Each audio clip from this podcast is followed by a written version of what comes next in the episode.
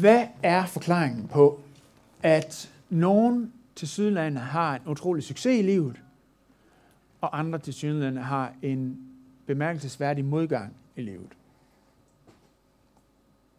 Hvad er forklaringen på det?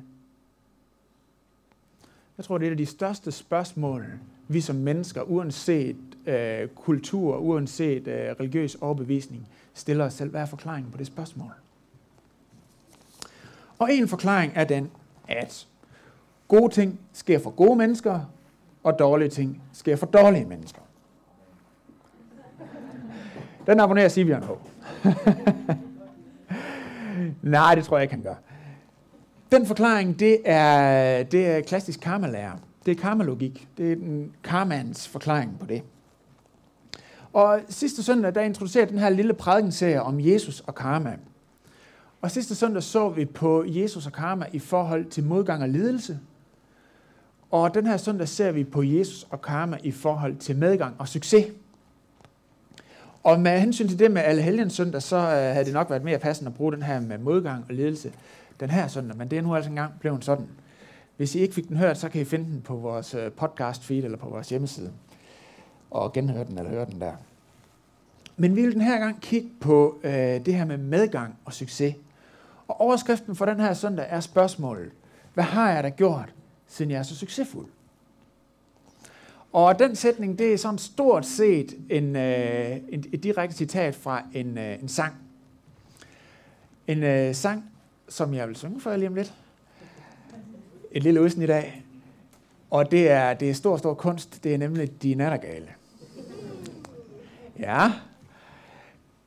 Det, det var lidt skægt, dengang vi sad til gudstjeneste med og skulle øh, planlægge gudstjenesten i dag, så fandt vi faktisk ud af, at både Allan og øh, Annette og jeg har haft det sjovt med at høre De Nattergale, da vi var unge. Jeg skal lige høre, hvor mange af jer har haft det på samme måde?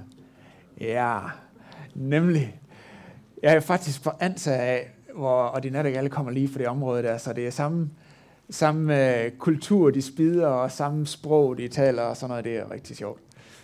Men de, øh, de synger en sang, den er skrevet i 87, hvor der var, uh, ja, vi var i gang med Paul Slytters hestekur, og det var ikke så nemt økonomisk, og der er så en, øh, de har lavet en sang, hvor der er et par, der synger om, hvad har vi da gjort, siden vi skal have det så godt, for de har boet og arbejde, og det går godt, og sådan noget, og det lyder sådan her. Hvad har vi da gjort, siden vi skal have det så godt? Der er sandelig ingen grund til at gå rundt og græde snot. Og så synger de videre og videre. Men det er igen, de prøver at finde et svar på spørgsmålet om, hvad har vi da gjort, siden det går så godt? Fordi det må jo være noget, vi selv har gjort, siden at vi er så forholdsvis succesfulde. Det næste eksempel er måske sådan lidt mere yndigt i det. Øh, det er også en sang, og øh, den er fra 1965 for den her Oscar-belønnede øh, filmmusical The Sound of Music, som var en helt fantastisk succes engang. Og jeg synes faktisk, det er en fantastisk god film. Jeg kan huske, at jeg lavede et øh, oplag over det med engelsk på HF, fordi jeg synes, der er nogle rigtig gode værdier i, som jeg gerne vil sige noget om til mine klassekammerater. Men der er også noget i, i den, som er udtryk for den her karma-logik. Og øh, det er i, i en sang. Og øh, von Trapp har fået sin øh, yndige Maria, og de står nede i et lysthus og er helt væk i hinanden, og er meget taknemmelige over det, der er sket i deres liv. Og så synger de selvfølgelig en sang til hinanden, for det er jo en musical. Og øh, så synger de noget i retning af det her. Nothing comes from nothing, nothing ever do. So somewhere in my youth, or childhood. I must have done something good. Ja. Og logikken i det, tak skal jeg have. logikken i det er, nothing comes from nothing. Der er ingenting, der kommer ud af ingenting. Så et eller andet sted i min barndom eller min ungdom, så må jeg have gjort noget godt, siden jeg står midt i den her lykke, jeg står i nu. Det må skyldes mig selv, at jeg har gjort noget godt, siden jeg er her nu. Det er karmalogik. Og det er et svar på, hvorfor vi kan opleve succes. Men hvad er forklaringen på succes? Det er det spørgsmål, vi tager livsag med. Og nu skal I høre dagens øh, tekst fra Lukas evangeliet kapitel 17, vers 5. Og der står sådan her. Apostlene sagde til Herren, giv os en større tro. Og Herren svarede, havde I en tro som et sennepsfrø, kunne I sige til dette morbærtræ, ryk dig op med rode og plant dig i havet, og det vil adlyde jer. Hvis en af jer har en tjener, som pløjer eller en hyrde, vil han så sige til ham, når han kommer hjem fra marken, kom straks og sæt dig til bords. Vil han ikke tværtimod sige, lav mad til mig og bind kjortlen op om dig og vart mig op, mens jeg spiser og drikker, og bagefter kan du selv spise og drikke. Og man han takker tjeneren, fordi han har gjort det, han har fået besked på. Således også I. Når I har gjort alt det, I har fået besked på, skal I sige, vi er unødige tjenere. Vi har kun gjort, hvad vi skulle. Amen.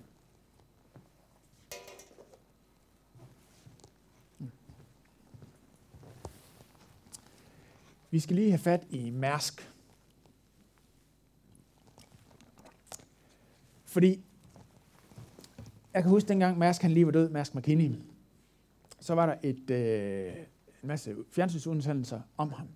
Og et af dem var en, et uh, interview, ja, som var lavet før han døde. Og, øh, og jeg var faktisk spændt på at se det her, fordi på mange måder, så synes jeg, at Mærsk han er en øh, stor mand. En ting er, at han har gjort det rigtig godt, men han har også været utrolig generøs med det, han har, det, han har tjent. Han har oprettet fonde, som har foranstaltet, at Christiansfeldt, lige her lidt syd for Kolding, er blevet sat i stand, og han har bygget et operahus, Tujers, og sådan nogle ting. Og så er han en personlig kristen, og er meget åben omkring det, selvom han er privat. Så, han, øh... så øh, jeg var spændt på at høre det her. Og han fik et spørgsmål i det her interview, og det var jo et meget interessant spørgsmål, hvis man kunne lige lurer det af. For spørgsmålet gik nemlig på, hvad skyldes din succes? Hvorfor har du været så utroligt succesfuld? Og så var det spændende, hvad han svarede, den her mand. For om nogen, så kunne han jo sige, ja, jeg er faktisk en af de mest succesfulde forretningsmænd her i verden. Jeg er faktisk den største rederi i verden, og vi var faktisk rigtig tidligt fremme med det her med olie, og jeg har faktisk gjort det helt utroligt godt. Men hvad sagde Mærsk? Han sagde, den her gamle mand på toppen af sin succes, det var før det begyndte at gå dårligt i, i skibsrederbranchen, han sagde, øh, jeg har jo fået meget givet. Jeg har jo fået meget givet. Jeg er blevet betroet meget, som jeg har forsøgt at forvalte med ret i omhu. Og det tror jeg aldrig, jeg glemmer. Den her utrolig succesfulde mand, hans svar på, hvad hans succes skyldes, det var, vi har fået meget givet. Hans svar handlede slet ikke om ham selv. Det slog mig noget. Det vender vi tilbage til. Nu vil vi prøve at dykke ned i teksten her. Disciplene kommer hen til Jesus, og så siger de, Jesus, kan du give os en større tro? Og man skulle tænke, det var egentlig meget fint og fremt spurgt. Og det kan da også godt ske, det var det. Men Jesus han svarede, hvis I havde tro bare som et sennepsfrø, og for os, der ikke lige er botanikere, så kan jeg fortælle, at sennepsfrø det er så meget lille frø, som ligesom så et rapsfrø, altså meget lille frø. Og Jesus sagde, havde I bare så lille tro, så ville I kunne sige til det her morbafine træ, rykke op med rodet og kaste ud i havet. Og jeg tænker, at de her mænd, de har sagt til hinanden, åh Johannes, skulle det ikke være fedt, mand? Øh, hvis sådan tro, jo Jesus, giver sådan tro der, så skal du bare se nogle fine træer, der er på vej ud mod Middelhavet. Åh, det bliver fedt. Giver sådan tro, Jesus. Det kunne lige være sagen. Men hvad ville pointen være med det, hvis de fik sådan en tro? Hvad gavn ville der være af det? Ville det være nogen gavn til for morbefintræet eller for Middelhavet? Nej. Hvad skulle de bruge den tro til? Hvad er pointen så? Jeg tror ikke, troen er pointen i det, Jesus han er i gang med at fortælle til disciplene her. Fordi troen er ligesom sådan et vindue. Er der et eller andet galt med lyden, Christian? Den rummer noget i det. Jeg bevæger mig for meget. Skal jeg tage den anden, eller hvad? Ja, godt. Tak. Godt nok. Pointen med troen er ligesom et vindue. Og vi kan jo godt lide at have vinduer i vores huse derhjemme. Men nu tager jeg altså den anden. Det er fordi, du går ud til Nå, er det... Gør for tæt på højtalerne. Ah, det er ordentligt. Så bakker jeg lige lidt, og så, så regner vi med, at... Uh, beklager. Sådan. Vi var i gang med det her med vinduer, ikke? Troen. Når vi har vinduer i vores huse, så er det fordi, at vi gerne vil kunne se ud, og vi vil gerne have lys ind. Og øh, nu tager vi den her. Godt.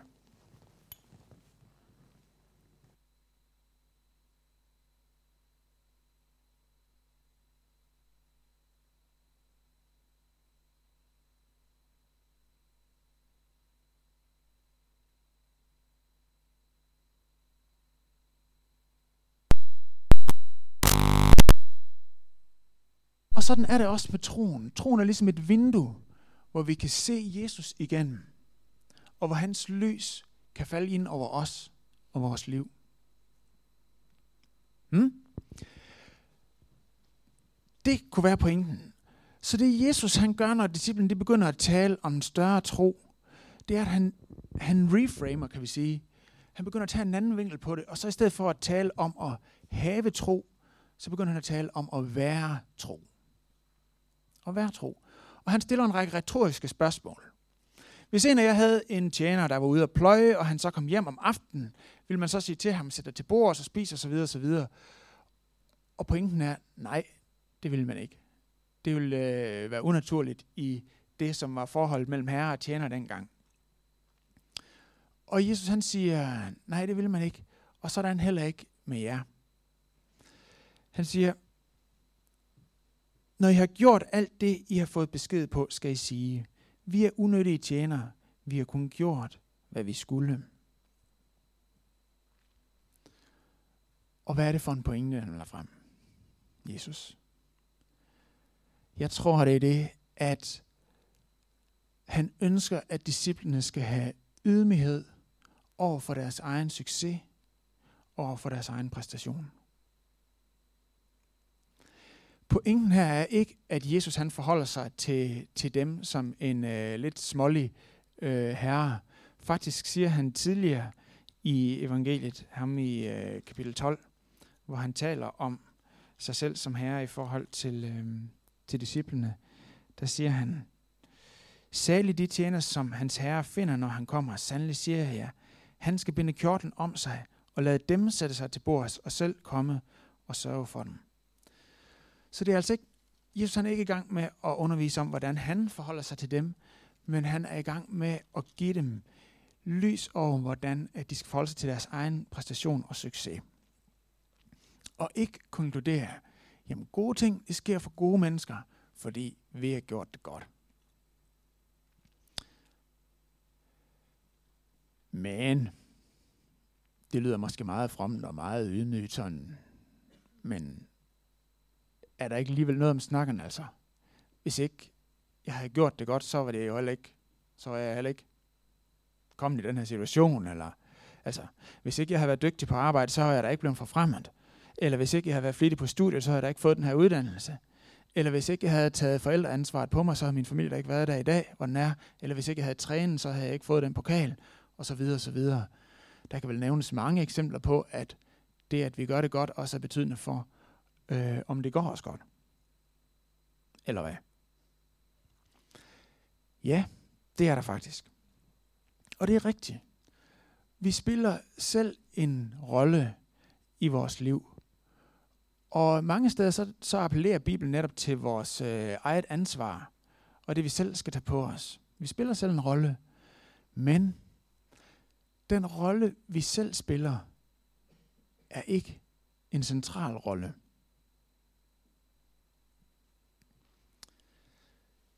Nu skal I prøve at høre et citat fra en bog. Den er skrevet af Timothy Keller, og øh, i den her bog, der kommenterer han på et øh, forskningsprojekt, øh, et amerikansk forskningsprojekt af en sociolog, der hedder Christian Schmidt, hvor, eller som afdækker, at den her karma-logik og forståelse af egen succes er utrolig udbredt øh, blandt teenager i Amerika. Og der kommenteres på det her. Dette syn på verden gør dig praktisk talt til din egen skæbnes herre og til din sjæls kaptajn. Frelsen og lykken afhænger af dig selv. Virkeligheden er dog meget mere kompliceret. Personlige forbindelser, familie og hvad der ligner rent held bestemmer, hvor godt tingene lykkes for et menneske. Vi er et produkt af tre ting. Arv, miljø og personlige valg. Men to af disse faktorer har vi ingen magt over. Vores succes skyldes ikke nær så meget os selv, som vores populære opfattelse af virkeligheden får os til at tro. Så vidt Timothy Keller, han siger altså, at vores succes skyldes tre faktorer. Arv, miljø og så vores egne valg. Lad os lige prøve at kigge lidt nærmere på dem. Først arv. Og her kigger vi både på den genetiske arv, som vi har fået de her gener, vi nogle gange har fra vores forældre, og så den miljømæssige arv. Eller social arv er det. Vores helbred. Det er langt hen ad vejen noget, vi har, fordi at vi nogle gange har de gener, vi har. Det har vi ikke selv gjort os fortjent til, det har vi ikke selv øh, gjort noget for. Vores intelligens er også langt hen ad vejen genetisk bestemt. Om vi er matematiske, eller vi er kreative, hvor høj IQ vi har. Det er ikke noget, vi selv har gjort os fortjent til. Og dertil kommer den sociale arv. Altså vi ved, hvor meget i vores opvækst betyder for vores arbejdsmoral, for vores gå på mod, for vores selvværd og for rigtig, rigtig mange ting. Og ingen af os har selv gjort noget for at få den opvækstfamilie, som vi har fået. Det ligger fuldstændig uden for vores rækkevidde.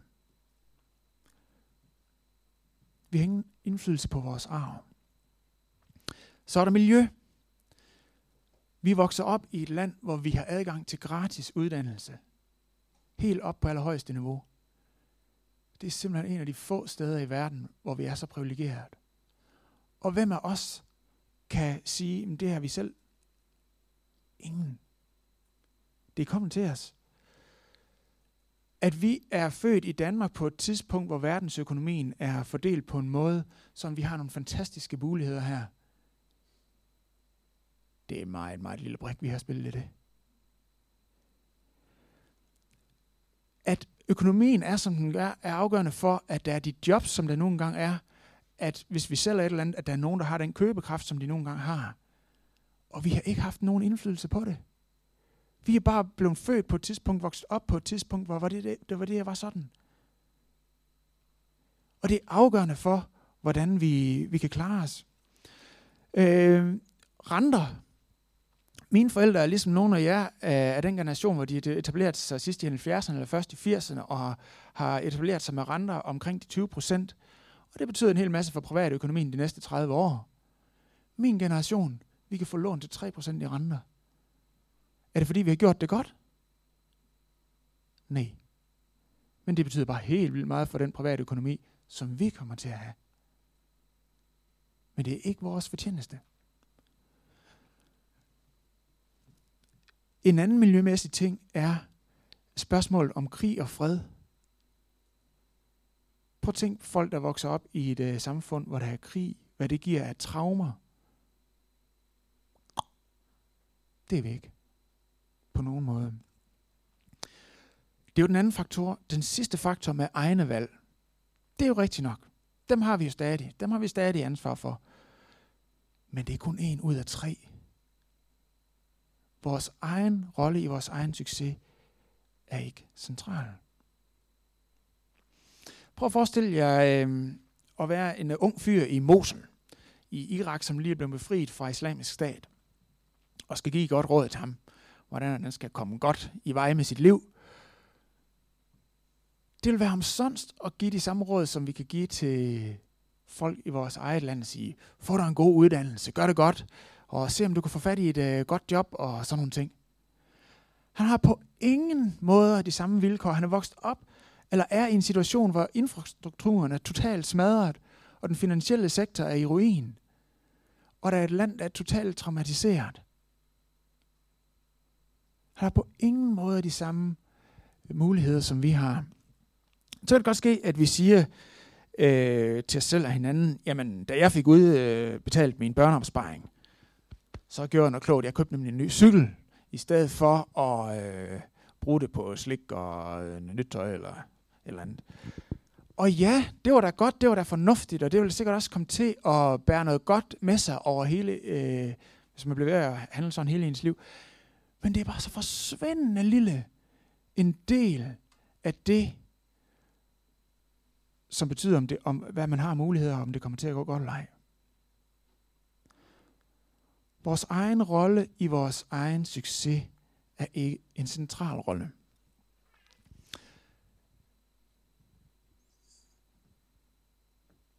Der er en af de førende forskere i, øh, i Gamle Testamentet, der hedder Wenham. Han skriver i en af sine bøger om Gamle teologi, så skriver han, When modern man talks of success, Old Testament man talked of blessing. Altså hvor man i dag taler om succes, så vil man på Gamle Testamentets tid have talt om velsignelse. Og den store forskel ved det er, at succes, det refererer til os. En velsignelse refererer til Gud.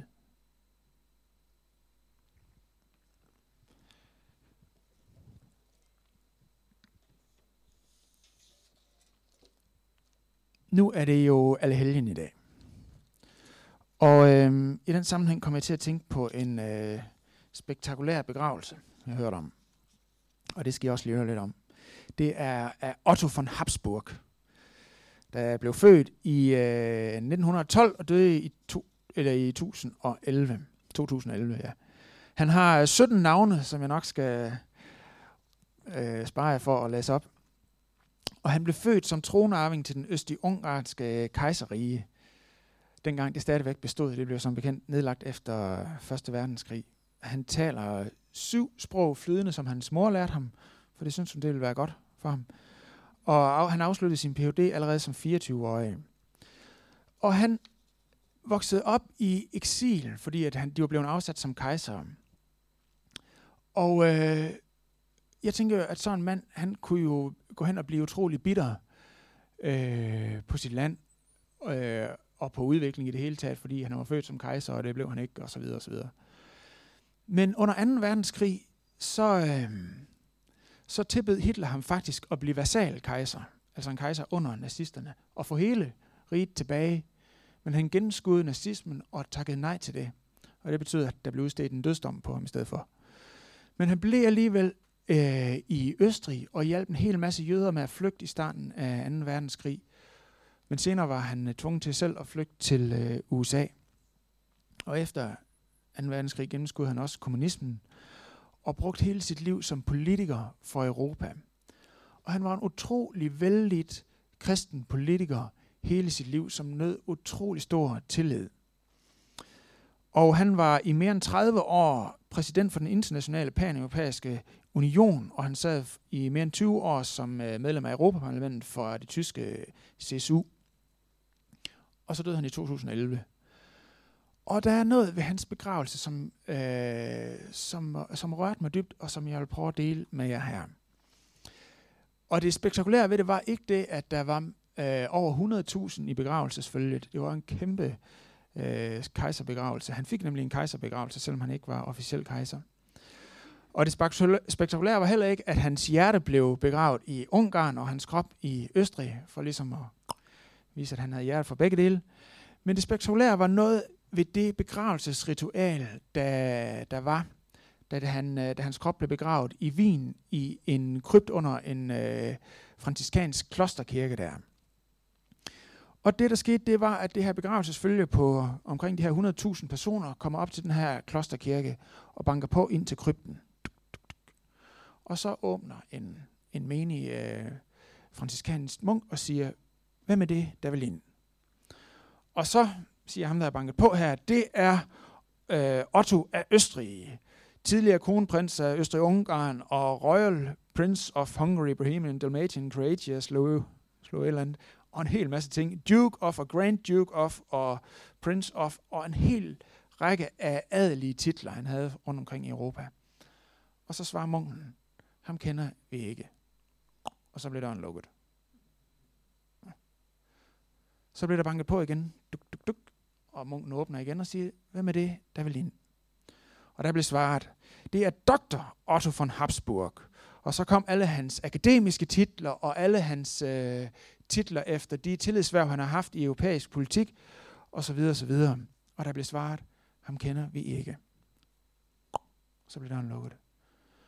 Så bliver der banket på igen, duk, duk, duk, og munken åbner og spørger, hvem er det, som vil ind? Og der bliver svaret, det er Otto, et dødeligt og syndigt menneske. Og så siger munken, ja, han kan godt komme ind. Og så bliver han begravet der i krypten i Wien, hvor han ligger sammen med de andre Habsburger.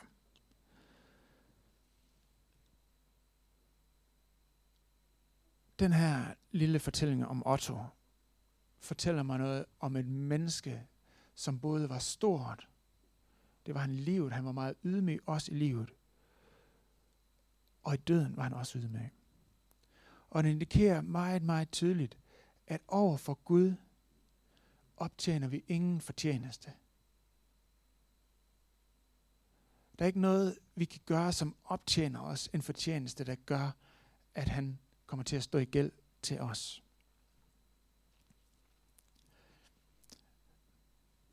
Okay så. Så er pointen vist ved at være hjemme, ikke også?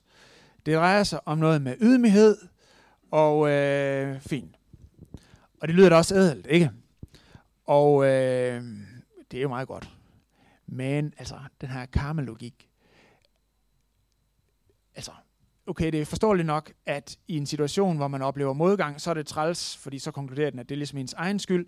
Men i situationer, hvor man oplever medgang, vil det så ikke være lidt fedt nok med lidt karmelogik, fordi så vil konklusionen netop være, at så er det fordi, man har gjort det godt, så peger det tilbage på en selv. Så kan det godt ske, at det lyder ædelt det andet, men vil det ikke være fedt med lidt karmelogik i den situation, hvor man er succesfuld? Er Jesus egentlig bedre end karma, når det drejer sig om succes? Og det vil jeg lige prøve at dykke lidt ned i, og der er to ting, jeg vil trække frem. Disciplene siger her i øh, stykket til i dag, giv os en større tro, siger det til Jesus. Giv os en større tro. Og uanset hvad det er, vi trækker efter, om det er en større tro, eller det er en større karakter i skolen, om det er et større hus, eller en større bil, eller en større overarm, så er der en blindgyde i det her. En sammenligningsblindgyde. For når vi siger større, så siger vi også altid større end. Større end noget andet. Og det er uanset om det er større end det, jeg har i udgangspunktet, eller det er større end noget, det nogen andre har. Det er altid større end. Og der kan vi nemt havne i sammenligningsblindgyden. Og det giver os ingen tilfredsstillelse i den blindgyde. Og jeg ved det fra mit eget liv. Øh, altså, når vi, hvis vi taler om større bil, altså sådan top, topmålet af det, jeg kan sådan ligesom trakt efter, det er en VW Passat stationcar. Så er, jeg ligesom, så er det afsløret, ikke også? Men jeg ved også, at fik jeg en VW Passat stationcar, så ville jeg have fået den finde ud af, hov, der er faktisk noget, der hedder en BMW stationcar. Det havde jeg aldrig tænkt på, før jeg fik min VW Passat stationcar. Der er altid noget, der hedder større end. Jeg havde en øh, aha-oplevelse i forbindelse med øh, det med at gerne ville være en dygtig teolog. Et, Den dygtigste teolog, jeg kender, det er min kammerat Morten Hørning, som er, øh, nogle af jer kender ham fra Dansk Oase. Han er virkelig, virkelig, virkelig, virkelig skarp og har læst, jeg ved ikke, 10 gange så mange bøger som mig, og fantastisk god til græsk, og hvad har vi? Og øh, jeg tænkte, jamen det er nok det højeste, man sådan ligesom kunne nå, det var at blive lige så dygtig teolog som Morten Hørning. Og så hørte jeg Morten Hørning, han sagde på et tidspunkt, han beklagede sig over, øh, jamen der er jo en teolog, der hedder N.T. Wright, og det er sådan en internationalt anerkendt øh, en. Og han er bare, jamen det er frygteligt, han skriver næsten en bog hver 14. dag, de kommer bare, fuh, og jeg fik lige pludselig blik for, at selvom man blev lige så dygtig som Morten Hørning, så var der stadigvæk noget, der hed større end. Det ville være en blindgyde, det der. Og hvis vi går efter det der med øh, at, at, at sammenligne os og sige, vi vil gerne have noget, der er større end, smukkere end, bedre end, eller jeg vil gerne være rigere end. Hvis vi bruger karma-logikken i den sammenhæng til at sige, jamen når jeg nu er god, så må det være fordi, eller når det går mig godt, så må det være fordi, jeg er god. Vi kommer aldrig dertil, hvor karma-logikken vil konkludere, at vi er gode nok. For der vil altid være noget, der hedder bedre end, større end, rigere end, smukkere end. Karmalogien er ikke bedre end Jesus. Jesus er bedre end karma. Det er det første eksempel. Det andet eksempel er, hvis forklaringen på, når vi oplever fede ting i vores liv, det er, at gode ting sker for gode mennesker. Hvad bliver der så af taknemmeligheden? Det giver jo ingen mening. Så er det mig selv, der er skyldig i det. Hvad bliver der det med at glæde sig over Guds gode gaver i ens liv, også når det er succes, vi oplever? Hvad bliver der med at leve med det, og tage imod det som kærtegn for en kærlig og generøs far, der vil os det godt? Hvad bliver der af taknemmeligheden? Den bliver væk. Karma-logikken gør succes til en ensom, blodfattig og kold ting. Jesus er bedre end karma. Karma trælbinder os. Karma-logikken trælbinder os, både når det gælder lidelse og når det gælder succes. Men Jesus er den, der er kommet for at sætte os fri. Også når han taler om øh, ydmyghed og vejleder os i det i forhold til vores egen succes, så er det simpelthen fordi, at han ønsker, at vi skal leve livet i fuld farveskala med, på alle tangenter, og fordi at det er det rigeste liv, der er at leve det på hans måde. Lad os rejse os op og bede.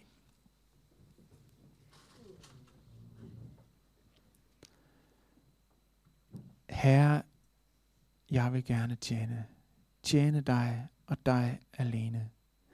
Tag og brug mig, som du vil. Hvad jeg ejer, har du givet. Hver en evne, selve livet. Dig det hele hører til. Led mig frelser ved din nåde, også når jeg selv vil råde og vil gå min egen vej. Sæt mig, hvor jeg bedst kan gavne. Om lad mig aldrig savne. Vidshed, at jeg tjener dig. Og Jesus, det beder vi om. Lad det, som er evangeliet for dig, lad det komme helt ind under huden på os i alle livets sammenhænge, både når det gælder modgang og når det gælder medgang. Vi anerkender, at vores egen øh, karmelogik, den, den fører sig ikke noget godt sted hen. Men det gør evangeliet for dig, som sætter os fri. Så det beder vi om Jesus. Det vil vi bare ind under huden. Det vil vi leve i lyset for dig. Vi lever i det, eller med det i taknemmelighed til dig og til din ære. For det er du er. Æren er din, Jesus. Amen.